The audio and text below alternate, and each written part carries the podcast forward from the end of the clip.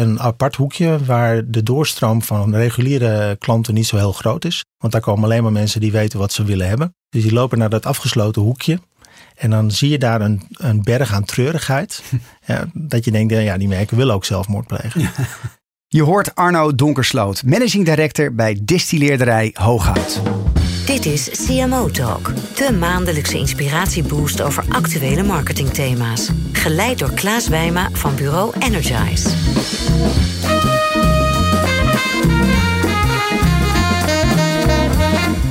Leuk dat je weer luistert naar CMO Talk. Vandaag zit bij mij aan tafel in de studio managing director van Hooghout distilleerderij Arno Donkersloot. En Arno begon zijn imposante carrière al in 1993 bij Heineken. Ja, en kon sindsdien de drank niet meer loslaten. Want via verschillende drankmerken kwam hij in 2011 bij de familiedistilleerderij Hooghout. En het is een familiebedrijf, waarover straks meer. En Hooghout maakt al ruim 130 jaar jenever. Ja, en de reden van dit gesprek, Arno, is dat Hooghout niet meer alleen maar de jenever van je opa wil zijn. Nee, het merk wil verjongen. En Arno heeft een uitgebreide rebranding eh, achter de rug afgelopen jaar. Nieuw logo, alcoholvrije jenever, exotische smaken en mixen. Ja, met als doel natuurlijk om ervoor te zorgen dat uh, ja, de business gaat groeien. En ja, de vraag is natuurlijk ook, kan jenever de populariteit van de gin tonic, wat ook een soort van revival heeft meegemaakt, evenaren? Nou, als je aan het luisteren bent en je bent zelf bezig met een rebranding traject of dat je zegt, hé, hey, mijn merk kan eigenlijk ook wel een fris nieuw jasje gebruiken. De komende 30 minuten nemen Arno en ik jou mee in de wondere wereld van rebranding. CMO Talk wordt aangeboden door Adobe en Accenture Interactive en is ontwikkeld door Energize en voicebooking.com. Een positieve impact maken, maar ook gezonde businessresultaten voor je merk. Wil je weten hoe? Kom op 12 maart naar het Merkkracht-event in Amsterdam. Met onder andere Unilever-topvrouw Hanneke Faber en Marijn Everaard van Dopper. Zij vertellen je alles over hun successen en tegenslagen. Speciaal voor CMO Talk luisteraars betaal je slechts 179 euro in plaats van 2,99. Ga naar bva100jaar.nl en gebruik de code CMO Talk. Dat is bva100jaar.nl met de 100 in cijfers. Nou, Hooghout had dus een, een probleem, Arno. Een krimpende markt. Een wat oudbollig gepercipieerd product. En het roer moest om. Uh, Jenever moest weer hip worden. En ja, die uitdaging uh, heb jij met je team met, met beide handen aangepakt. Uh, ja, mijn eerste vraag is, was dat niet veel te laat? Het was laat, maar ja. het is nooit te laat. Nooit te laat. Nee. Ja, want het traject, het traject heeft even geduurd hè, om uiteindelijk die hele rebranding, om het ei van Columbus te vinden. Ik ben al ruim acht jaar bezig. Zo. Dus heel veel mensen zouden zeggen van, goh, uh, kan het niet wat sneller? Ja. Of wat voor prutser ben je dat je zo lang nodig hebt? Maar dat, uh, voor mij geeft het aan hoe groot de uitdaging was. Ja. Ja, ik denk dat heel veel mensen al bedacht hadden dat Jenever dood zou gaan. Terwijl mijn uh, leus was op dat moment, Jenever gedood, lang leven Jenever. Mooi. Ik moest alleen nog heel even uitvinden hoe dat precies weer te revitaliseren was. We gaan het uitgebreid hebben over die enorme ontwikkeling die je hebt doorgemaakt met het merk. Maar eerst voor de luisteraars, neem ons eens mee in de wonderenwereld van, uh, van Hooghout. Want het is een familiebedrijf. Ja, vierde generatie staat op dit moment aan het roer. Dat is Bert. Mm -hmm. Bert uh, en ik zijn samen verantwoordelijk voor het bedrijf. Zijn vader, die volgens mij nu uh, iets meer dan twee jaar geleden overleden is. Die was volgens mij 89 op dat moment. Dat was de derde generatie. Dat is de man die uh, samen met meneer Smit in de jaren 60, 70 en begin jaren 80 het bedrijf groot gemaakt heeft. Hm. Zodat iedere Nederlander, in ieder geval van onze leeftijd. Als ik zeg hooghoud, zeggen zij altijd jonge dubbele graanjenever. Zo bekend uh, is het merk nog steeds. Want hoe groot is het bedrijf in termen van medewerkers, omzet? Op dit moment zijn we met iets meer dan 40 man. Mm -hmm. Eergisteren zijn we, of tenminste afgelopen vrijdag zijn weer twee nieuwe vertegenwoordigers begonnen. Ja. Dus uh, volgens mij is de stand nu 42. Ja, dat is alles. Ja, en, en qua omzet, kan je daar iets over kwijt? Uh, ja, het jaar is nog niet helemaal afgesloten, maar dat ligt de afgelopen jaren tussen de 17 en de 20 miljoen. miljoen het is een beetje afhankelijk van welk jaar je kijkt. Ja, je gaf aan, acht jaar geleden begonnen bij, bij Hooghout in 2011. Met welke taak ben jij door, door Bert aangesteld? De hoofdtaak was om hooghout klaar te maken voor de toekomst. Hmm. Uh, er is ook een vijfde generatie die uh, Dat zijn twee, uh, dus een meisje en een jongen, Gerwin en Joniek. En die willen ook? Nou, die zijn nu bezig om te ontdekken wat ze nou precies willen. Maar ze zijn wel betrokken bij het bedrijf, doen ook regelmatig rondleidingen. Maar dat ze al een echte rol hebben, nee. nee. Nee. En, en ja, toekomstbestendig maken van hooghout, dat klinkt natuurlijk vrij breed. Hè? Dat kan je op allerlei manieren interpreteren. Hoe hebben jullie dat meetbaar gemaakt? Er zijn natuurlijk verschillende manieren waarop je met zo'n bedrijf de toekomst in kunt. Mhm. En een aantal van onze collega's hebben daar alternatieve strategieën voor bedacht. De familie Nolet van Ketel 1 hebben het fantastisch gedaan in Amerika door daar uh, wodka uh, naartoe te brengen. Uh, de familie Boomsma uit Leeuwarden mm -hmm. hebben het ook erg goed gedaan. Die hebben een nieuwe merkje. Hè, zodra een, een categorie populair werd, zoals whisky of vodka of rum, hebben zij een merkje geïntroduceerd tegen een zeer, noem het, op een hele voordelige positionering. Ja. Um, dus er zijn alternatieve strategieën. Hooghout heeft altijd gekozen voor de eigen producten. Wij wilden heel graag dicht bij onszelf blijven. En ja, we hebben in het verleden wel geprobeerd met uh, royalty vodka naar het buitenland te gaan. Dat is op zich ook uh, in eerste fase heel uh, succesvol geweest. Ja. Maar op wat voor reden dan ook niet goed doorgezet. En ja, wij produceren voor derden, maar nooit tegen de allerlaagste prijs, want dat is onze sterkte niet. Hm. En als je gewoon kijkt naar het bedrijf zoals ik het aantrof toen ik kwam, een fantastisch mooi bedrijf met een eigen productielocatie. Wij maken onze eigen producten. Dus dat is een, een voordeel ten opzichte van sommige collega's. Maar we hebben onze eigen productie. We hebben een nog steeds een fantastisch merk. Ja. Hooghout is een uh, welbekend merk. Dat het wat uh, sleets was, ja, dat, uh, dat is absoluut een feit. Mm -hmm. Maar dat in ieder geval de potentie om er weer bovenop te komen. Dus en daarmee, was... daarmee ben ik aan de slag gegaan. Ja, dus dat was het toekomstbestendig maken. Dan praat je ook wel over de, de, de harde business criteria. Dus er moest er weer groei in komen in het nou merk? Ja, weet of ging het alleen maar bestaan als er gewoon als een rendement gemaakt wordt. Ja, ja. En in de afgelopen acht jaar dat ik verantwoordelijk was, hebben we ook twee verliesjaren gehad en zes jaar gewoon winst ja, gemaakt. Goed. Deze business was niet zo dat het op punt van omvallen stond, nee. compleet niet. Nee, maar als je gaat kijken naar hoe het bedrijf in elkaar zit, dan had het wel uh, lange termijn uh, problemen gehad. Dus en, en door... daarin uh, is de, heeft de rebranding ook wel een belangrijke rol in gespeeld. Hè? Want daar ben je dus eigenlijk acht jaar geleden dus al mee mee begonnen. Ja, toen ik binnenkwam ja. heb ik gezegd, luister, wat Nolet gedaan heeft en wat uh, Boomsma gedaan heeft of wat uh, super efficiënte producenten doen, dat is van ons een gepasseerd station. Wij hebben eigenlijk maar twee keuzes. En de eerste keuze is om datgene wat we doen echt absoluut te melken tegen zo laag mogelijke kosten. Uh, dat nog 10, 15 jaar te doen en dan de restanten te verkopen. Ja. Dan kan de vijfde en misschien de zesde generatie stil gaan leven. Hartstikke goed. Ja. Of we zetten alle kaarten op het merk Hooghout. Wat inhoudt dat je langjarig bereid moet zijn om te investeren. Ja. Nou, hij heeft volmondig gekozen voor de laatste optie. Bij de eerste had ik vrij snel weer uh, op zoek moeten gaan naar een nieuwe baan. Ja. Want daar was ik niet bij nodig. Nee, ik zie het ook aan je. Die tweede optie gaan je ogen twinkelen. Ja, maar dat is ook het leuke. Ja. Als je meneer Hooghout senior, zoals wij hem noemen, kent. Ja. Uh, dan wil je ook niks lievers dan uh, het bedrijf ook weer naar die volgende fase brengen. Hm. En dat is gewoon alleen maar even uitzoeken waarom hooghout weer relevant kan zijn. Ja. Ik zeg heel uh, gekscherend even. Dat heeft best wel lang geduurd. Maar waar we mee begonnen zijn, en want daar doelde je net op, ja. is we hebben gewoon gekeken naar het bestaande assortiment. Hm. En als ik heel eerlijk ben, als je kijkt naar bestaande jenevers in die tijd, hè, dus niet nu, maar in die tijd, en je gaat naar de sluiterij van toen, dan zie je een apart hoekje waar de doorstroom van reguliere klanten niet zo heel groot is. Mm -hmm. Want daar komen alleen maar mensen die weten wat ze, wil, uh, wat ze willen hebben. Ja. Dus die lopen naar dat afgesloten hoekje. En dan zie je daar een, een berg aan treurigheid. ja, dat je denkt, ja, die merken willen ook zelfmoord plegen. Ja. En daar wil je niet staan. En dat, ja, maar dat, dat, dus het begint bij jezelf. Ja. Dat je nog eens een keer goed kijkt en dat je zegt, hé luister, ik moet het dan ook niet op willen geven. Nee. Je moet er ook wel een beetje uitzien alsof je er zin in hebt. Ja, ja. Dus we zijn begonnen met renoveren. We zijn ja. gewoon alle producten nog eens een keer goed gaan bekijken. En we zijn begonnen met alle bestaande producten te renoveren. Ja. Er werd ook heel lang niet geïnnoveerd. Ja. Nou ja, volgens mij is het essentieel dat als je in de, in de toekomst wil leven, dat je meedoet met de ontwikkeling in de maatschappij. Dus eigenlijk als les zou je daar misschien wel kunnen zeggen van in zo'n rebranding of een, een merkrenovatie, vind ik ook een mooi woord. Um, blijf trouw aan, je, aan jezelf, aan, aan de roots, wie je bent. Dus probeer niet iemand anders te zijn wie je niet bent. Nou, dat is, dat is voor mij nooit een les geweest. Dat is hmm. voor mij het uitgangsprincipe geweest. Want op de dag dat ik binnenkwam bij het bedrijf, Ik werd wat eerder uitgenodigd omdat er die dag een vergadering van de Raad van Commissarissen was. Waar een besluit genomen moest worden over een gin die we internationaal zouden uitrollen. En ik heb er echt alles aan gedaan om, uh, om, om die gin uh, ter plekke de nek om te draaien. Hmm.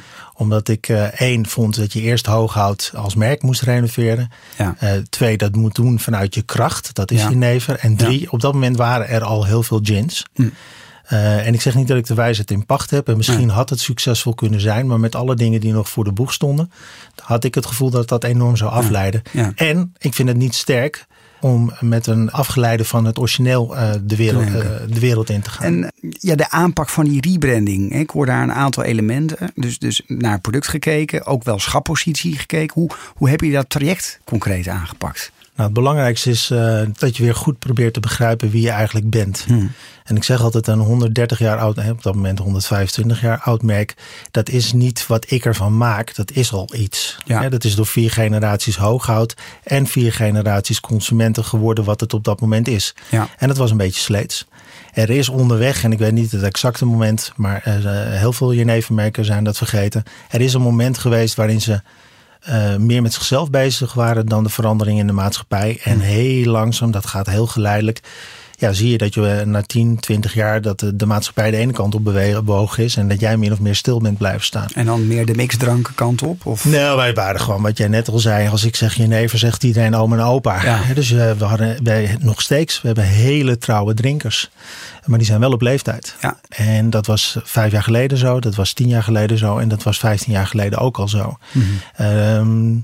dus wat je ziet is dat die trouwe drinkers vinden nog steeds hè, al 20, 30, 40 jaar lang datgene wat zij zoeken. Ja. Maar nieuwe consumenten waren op zoek naar iets anders. Hm. Dat had niet hoeven gebeuren. Als we gewoon, zoals alle gezonde merken, als je gewoon ieder jaar even kijkt van goh, waar sta ik, waar staat de maatschappij, ben ik nog helemaal in sync. Uh, in sync. Ja dan heb je niet zo'n probleem als wij uh, nu uh, proberen op te lossen.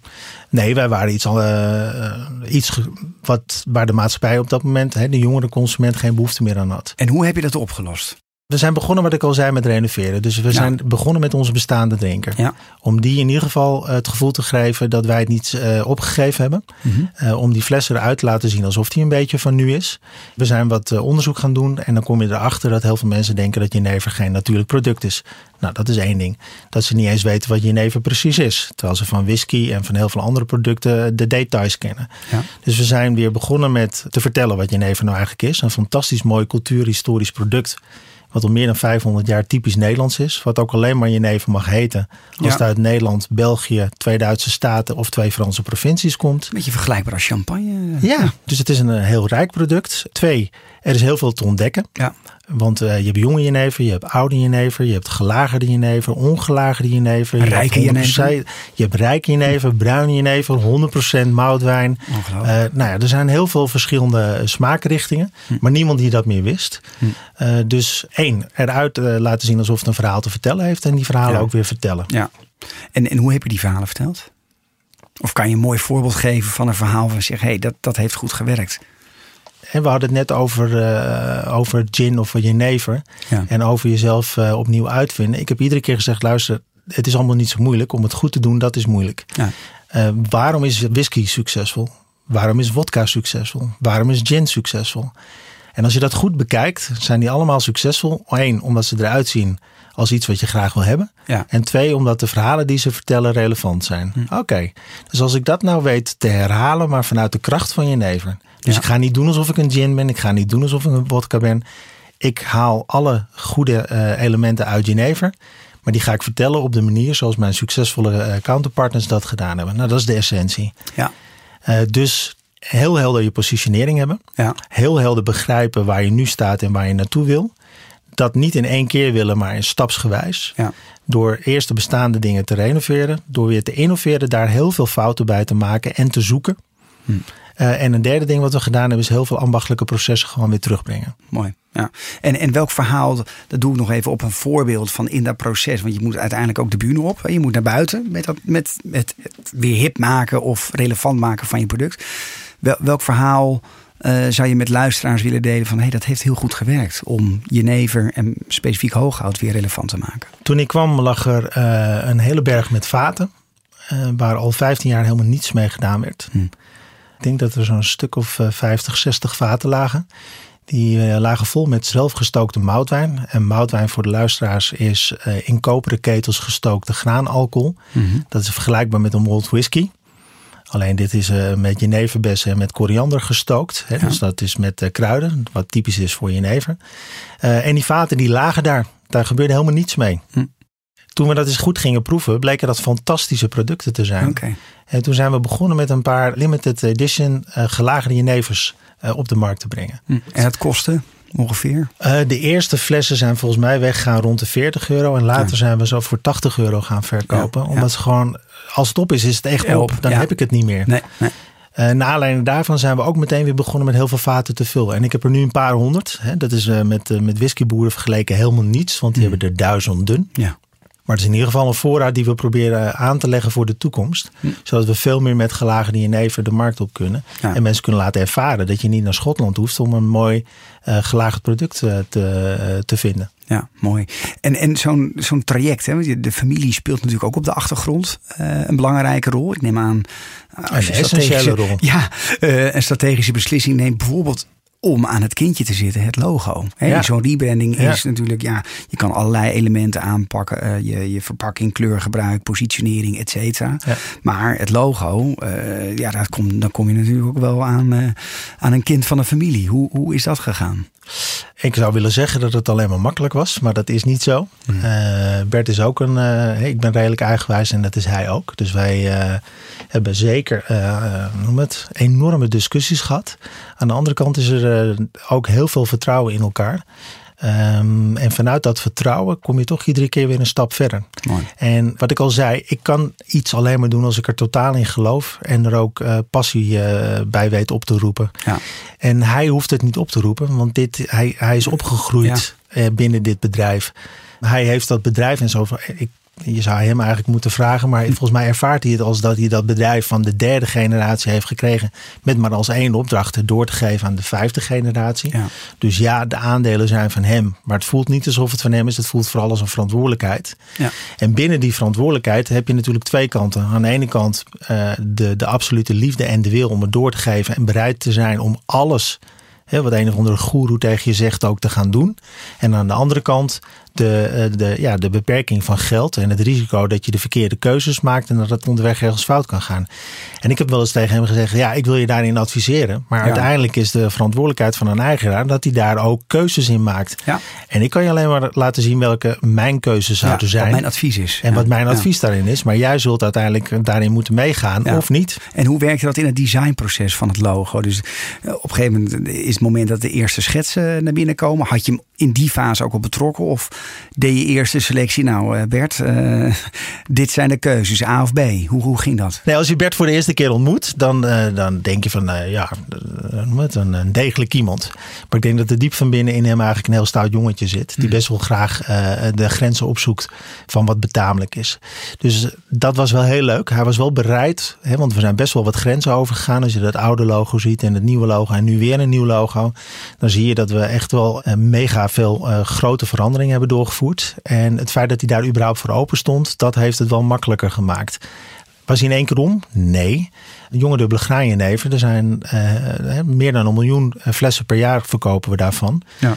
Uh, dus dat is uh, ons veel aangelegen om de huidige drinker vooral niet af te stoten. Dus zijn harde eis toen was wel dat we heel veel onderzoek zouden doen naar die nieuwe designs. Ja, ja. Dat is later wel afgezwakt. Dus we hebben in het begin best wel veel tijd en energie gestoken in onderzoek onder bestaande consumenten. Ja. Veel later, toen wij veel beide dat gevoel hadden van nee, dit klopt. Hè, we, we mogen ook wel een klein beetje op onze intuïtie vertrouwen. Toen, zijn we, toen is onderzoek voor ons minder belangrijk geworden. Nou, en ik kan me ook voorstellen, je wil ook een nieuwe doelgroep aanspreken. Van, je kan je bestaande klanten vragen van, hey, is het herkenbaar? Maar je wil juist ook groeien vanuit die, die nieuwe aanwas. Klopt, en als je ja. nieuwe klanten of een nieuwe, noem het, een nieuwe uh, consumenten gaat aanspreken met een nieuw product, dan uh, vind ik onderzoek niet een van de meest, uh, noem het, betrouwbare elementen om, te, om, nee. om echt herbevestigd te worden in je keuzes. Nee. Want mensen hebben toch wel moeite om iets wat ze nog niet kennen, om dat te omarmen. Ja. Wat wij gedaan hebben is door innoveren, uh, gewoon echt ervaring op te doen. En op basis daarvan en de learnings die je daaruit haalt, besluiten te nemen voor de toekomst. Ja. Abonneer je nu op cmotalk.nl en ontvang altijd de nieuwste gesprekken met CMO's in je inbox. Ik wil graag naar een, uh, een eerste stelling voor jou, Arno. Want in CMO Talk leggen we onze gasten altijd een stelling voor. Komt-ie. Bij merkverjonging moet je het bedrijfsresultaat op de tweede plek zetten. Ja, volmondig ja. Uh, maar je mag niet alles in de waagschaal uh, leggen. Ja. Ik vind een merk dat uh, sleets is, houdt dus in dat je een aantal jaren roofbouw gepleegd hebt. He, want je hebt een aantal jaren niet gedaan wat goed en nodig was voor het merk. Mm -hmm. Dat houdt in dat je of geld weggegooid hebt of te veel geld eruit gehaald hebt. Ja. En alles wat je er dus niet ingestopt hebt toen, moet je alsnog erin stoppen daarna. Ja. Dus wij hebben de afgelopen acht jaar, ik denk gemiddeld meer dan een miljoen per jaar geïnvesteerd in het merk Hooghout. Uh, dat is heel veel geld. Dat is niet de normale hoeveelheid die je erin zou stoppen als je het merk zou onderhouden. Ja. Dan zou je eerder richting een half miljoen moeten gaan. Ja. Dus ja, wij hebben meer geïnvesteerd. En dat was absoluut nodig, want anders uh, hadden we al deze vernieuwingen niet kunnen maken. Ja. Aan de andere kant, uh, ik had nog wel veel meer willen investeren. En ik had ook nog wel iets sneller willen gaan. Maar we hebben geen enkel moment risico's willen nemen met de gezondheid van het bedrijf overal. Had je met de kennis van nu die beslissing meteen blind weergenomen? Uh, welke beslissing? Sorry? Om 1 miljoen te investeren in die rebranding? Nou, ik moet je zeggen dat er zitten twee elementen aan wat je nu zegt. Eén, doordat de familie Hooghout, doordat Bert niet primair gefocust is op geld, mm -hmm. is investeren in het merk met zijn toestemming relatief makkelijk. Ja. Uh, ik zeg niet alleen maar makkelijk, want we hebben ook hele heftige discussies gehad. Uh, maar je moet wel bij iedere euro die je investeert continu wel bedenken van goh, waarom doe ik dit? Ja. En als, er, als geld, als rendement niet de hoofddoel is, dan moet je vooral zelf je scherp houden. En mijn achtergrond is uh, vooral ook uh, marketing. Ja. En marketingmensen hebben de neiging om veel te veel uh, te willen investeren op dat vlak. Dus jezelf daar scherp houden is erg belangrijk. En een tweede ding is, er is ook timing nodig. Sommige investeringen uh, zijn wel logisch, maar moet je ook op het juiste moment doen. Ja. En daarvan zeg ik ja, als ik met de kennis van nu zou ik sommige investeringen anders gedaan hebben. Hmm. Maar dat is makkelijk gezegd. Ja. De achteraf uh, zou je altijd dingen anders doen. Maar u zegt van, dus de familie is niet primair op geld gedreven, wat natuurlijk heel mooi is, want ze hebben een merk om over te dragen over de generaties heen. Maar toch ook een, uh, zo'n investering, dat is 5% van, van de omzet. Dat is toch best wel stevig. En als je dan ook een verlies laat het jaar hebt, dan kan ik me voorstellen dat de familie ook af en toe wat zenuwachtig kan worden. Heb je dat ook ervaren? Nou, de reden waarom ik zo openhartig ja. ben en dat net ook zeg, is dat ik denk dat dat de allerbelangrijkste learning is. Hmm. Dat ook al is geld niet je primaire, je rendement niet je primaire drijfveer, dan nog is het een belangrijke management tool ja. om te controleren of je de juiste dingen doet. Precies. Het helpt je om discipline uh, toe te passen in al je besluiten. Ja, want het moet wel toekomstbestendig zijn. Dus je moet ja, maar los van of het toekomstbestendig moet ook logisch zijn. Ja. Als je nu kijkt naar, uh, had je geld anders uitgegeven? Uh, ja, we zijn, even denken, volgens mij het derde jaar dat ik er was, zijn we op tv geweest. Uiteindelijk hebben we, hebben, is dat een foute beslissing hmm. geweest. Omdat de kanalen waarop wij konden adverteren een veel te beperkt bereik hadden. Ja. En dat geld had ik waarschijnlijk op een andere manier efficiënter kunnen inzetten. In welke ja. manier denk je?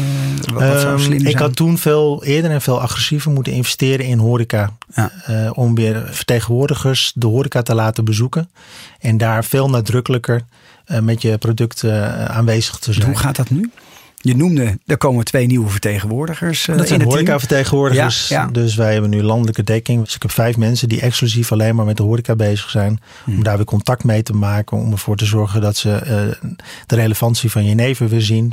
De relevantie van hooghout jenever. Ja. Dat ze het uh, weer opnemen in het assortiment. Dat ze het niet alleen opnemen, maar dat ze het ook zichtbaar opnemen. Ja. Dat het op de menukaart staat. Dat het achter de bar zichtbaar is. Met het merk dan ook? Tuurlijk, want dat is tuurlijk. Want hoe krijg je nieuwe drinkers aan de jenever? Dat gebeurt alleen maar als ze er weer op uh, geattendeerd worden. Als ze zich bewust worden dat jenever een volwaardig alternatief is. CMO Talk, de podcast. Marketing bekeken vanaf het hoogste niveau. Ik wil naar de estafettevraag, uh, Arno. Want in de vorige aflevering had ik uh, Mark Scholten, de CCO bij Bierwolf, ook binnen de drankencategorie. Ja. En die heeft een prachtige vraag voor je. Ik zie aan de ene kant heel veel verjonging of vernieuwing, ja. heel veel frisse nieuwe designs. Um, en hoe hou je dat dan toch connected naar um, zo'n mooie klassieke uh, merk met zo'n mooi verhaal? Dus eigenlijk hoe, hoe combineer je het zwart-wit, de zwart-wit foto's van vroeger met de kleurige toekomst? Nou, mooie vraag. Uh, dat was ook de uitdaging. Dat is ook de uitdaging. En ik denk dat heel veel uh, jenevermerken de neiging hebben om vooral die historie te benadrukken. Want die is natuurlijk ook enorm rijk en bijzonder. Maar ik vind het juist zo belangrijk dat we niet blijven hangen in dat verleden. Maar dat we vooral meebewegen naar de toekomst toe. Ja. En dat allemaal op onze eigen unieke, onderscheidende manier. Want dat is de essentie van, van, van merken bouwen. Dus de natuurlijke neiging is om heel erg te gaan zitten op ambacht, historie, 131 jaar geschiedenis. Ja. En toen wij ook op zoek waren naar een nieuwe fles, dan heb je heel erg de neiging om naar de kelderfles. Dat is die vierkante fles waar heel veel mhm. gin en jeneverflessen van afgeleid zijn. Maar we wilden iets anders. Maar ik wil wel iets origineels. Dus we zijn op zoek gegaan. En nou, je gelooft het niet, maar ik ben op eBay gewoon gaan zoeken naar Holland Gin. Dat is de oude Engelse naam voor jenever. Holland Gin, hè, om het te hm. onderscheiden van English Gin. Ja. En ik ben in Boston uh, terechtgekomen. En daar heb, heb daar een Holland Gin fles gevonden. In de vorm van een soort zakflacon. Waar vroeger, meer dan 100 jaar geleden, jenever uit Nederland hm. per vat naar Boston gestuurd werd. En dat werd ter plekke dan in die flessen overgezet. Dus die fles is wat mij betreft het authentieke gedeelte van het product. Uh, het product wat erin zit is 100% mout. Dus het is 100% op de uh, koperen manier gedistilleerd. Ja. Daar zit geen uh, moderne kolomdistillatie in. Dat is puur via koper gedistilleerd. Dat etiket wat er nu op zit, op de nieuwe range. Hè, die, die iconen die daarop mm zitten, die stempels. Ja. Onze grootste uitdaging was om de rijkheid van jenever kort en krachtig onder woorden te brengen. En het is bijna niet in woorden te vangen. Mm. Je moet keuzes maken. En daarin moet je keuzes maken. En dan spreekt beeld toch vaak meer dan woord. En dus vandaar dat we die beelden hebben gebruikt om dat verhaal wat er in Hooghout, in Jenever, in Nederland, in de grondstoffen en de processen die wij uh, gebruiken bij Jenever maken, om die allemaal te gebruiken. En volgens mij krijg je dan die combinatie van een, een iets wat historische fles ja. met een wat moderne uh, expressie van het label. Mooi. Ja, ik wil naar de, jou een aantal dilemma's voorleggen, Arno. Ik ga steeds een vraag opnoemen en jij mag er één kiezen. En na afloop mag je er eentje toelichten. Leren uit het verleden of blik naar de toekomst? Leren uit het verleden. Aanwezigheid in de horeca of thuis in de drankkast? Uh, eerst in de horeca. Inspringen op trends of staan waar je voor staat? Staan waarvoor je staat met een open blik. Jenever in de cocktail of als kopstout? Al wil je ermee douchen. uh, als ik moet kiezen in de cocktail. Oké, omzet of winstgroei? Op korte termijn omzet. Oké, welke zou je willen toelichten? Uh, denk de allereerste. Leren uit het verleden of blik naar de toekomst? Ja, wat voor mij heel belangrijk is, is dat alles eigenlijk al een keer gedaan is. En dat het er vooral om gaat, uh, hoe kun je leren uit het verleden of van wat anderen gedaan hebben en hoe kan je dat en ik zeg altijd, hoe kan je dat dan toegepast jatten? Ja. En hoe kan je daar je eigen, vanuit je eigen kracht, vanuit je eigen merkpersoonlijkheid, hoe kun je daar dan een draai aan mm. geven? En dat is voor mij ja, de essentie van wat wij op dit moment doen. En dat is niet door hele gekke dingen continu te bedenken, maar het is continu om te zien van goh, vanuit die kracht, vanuit die schoonheid van het bedrijf, uh, dat merk Hooghout en Jenever, hoe kun je dingen zo doen dat je er een eigen draai aan kunt geven? Ik wil eh, afsluitend uh, jou nog een aantal persoonlijke vragen stellen. Want ik ben heel benieuwd. Hè? Je zit al een tijdje in de drankenbusiness. Uh, nu dus ruim acht jaar bij Hooghout. Nu zitten we hier in, in januari 2020. Waar haal jij je inspiratie vandaan, Arno? Ik heb de hotelschool gedaan. Ik kom uit een horecafamilie. En ik ben pas later gaan begrijpen hoe dat precies werkt. Maar dat moment hè, dat je aan tafel staat uh, dat allereerste contactmoment met zo'n gast die, die binnengekomen is, die jij die avond gaat bedienen. Hmm. In die allereerste seconde probeer je al een, uh, dat is allemaal heel menselijk, probeer je al in, in, te schatten met wie je te maken hebt. Als het mensen zijn die komen vergaderen, hebben ze zo min mogelijk storing nodig. Als het twee oude mensen zijn die een beetje uitgepraat zijn met elkaar, dan hebben ja. ze entertainment nodig. Dat allereerste moment, dat inschatten met wie je te maken hebt, dat is volgens mij de essentie van marketing, sales connectie maken. En ja. connectie is waar ik denk ik mijn passie uithaal. Ja, mooi. En je zit al sinds 1993 uh, in de dranken. Word je het nooit zat? Nou, na Ursus Wodka dacht ik van, goh, ik ben wel eens toe aan wat anders. Ja. Ik uh, wil eens ik wil kijken of ik uh, ook andere dingen... Ja. En ik heb toen uh, in de luxe koffers gezeten. Ik heb in de mineraalwater gezeten. En toen ik hier voor benaderd werd toen ontdekte ik dat ik, uh, ja, ik heb, wel, ik heb wel heel veel met drank. Hmm. En niet omdat ik het nou zo graag drink, maar alles wat door je mond gaat. En ik zeg, dat heb ik vaker gezegd, maar dat komt ook echt langs je hart. Dus daar voel je iets bij. Ja. Dus het gaat niet alleen maar over kwaliteit en smaak. Hmm. Maar het gaat ook over wat voor emotie is dat product in staat op te roepen. En ik denk dat emotie, passie, dat is wat mij uh, aanspreekt daarin. Heel goed. Tot slot, wat adviseer jij aan de luisteraars om als eerste te doen als je begint met een rebranding? Ik had haast. Dus ik heb uh, vrij snel de positionering op orde geprobeerd te krijgen en ik ben gewoon begonnen. En ik uh, heb daar geen spijt van. Hmm. Maar de, uh, de vernieuwing die wij internationaal voor ogen hadden, die kon alleen maar als we echt ten diepste begrepen waar we anders waren. Ja. En dat ten diepste begrijpen, dat is wel de essentie van iedere verandering. En dat kan bijna niet in, in, in een paar weken of in een paar maanden. Daar heb je echt, echt nodig dat je begrijpt wat de categorie is. En uh, wie het merk is op dat moment. En waar het merk naartoe zou moeten gaan. En daar te weinig tijd aan besteden Hmm. uh, is denk ik een hele grote fout. Bedankt voor het luisteren naar CMO Talk. En Arno, hartelijk dank voor je komst uit Groningen naar de studio. Heb je een idee voor een volgende gast of een andere suggestie voor de podcast? Stuur dan een mailtje naar klaas.cmotalk.nl En ik beloof dat je snel een reactie krijgt. Tot de volgende aflevering. Dank voor het luisteren naar de CMO Talk podcast. Abonneer je op de nieuwsbrief of de podcast via cmotalk.nl.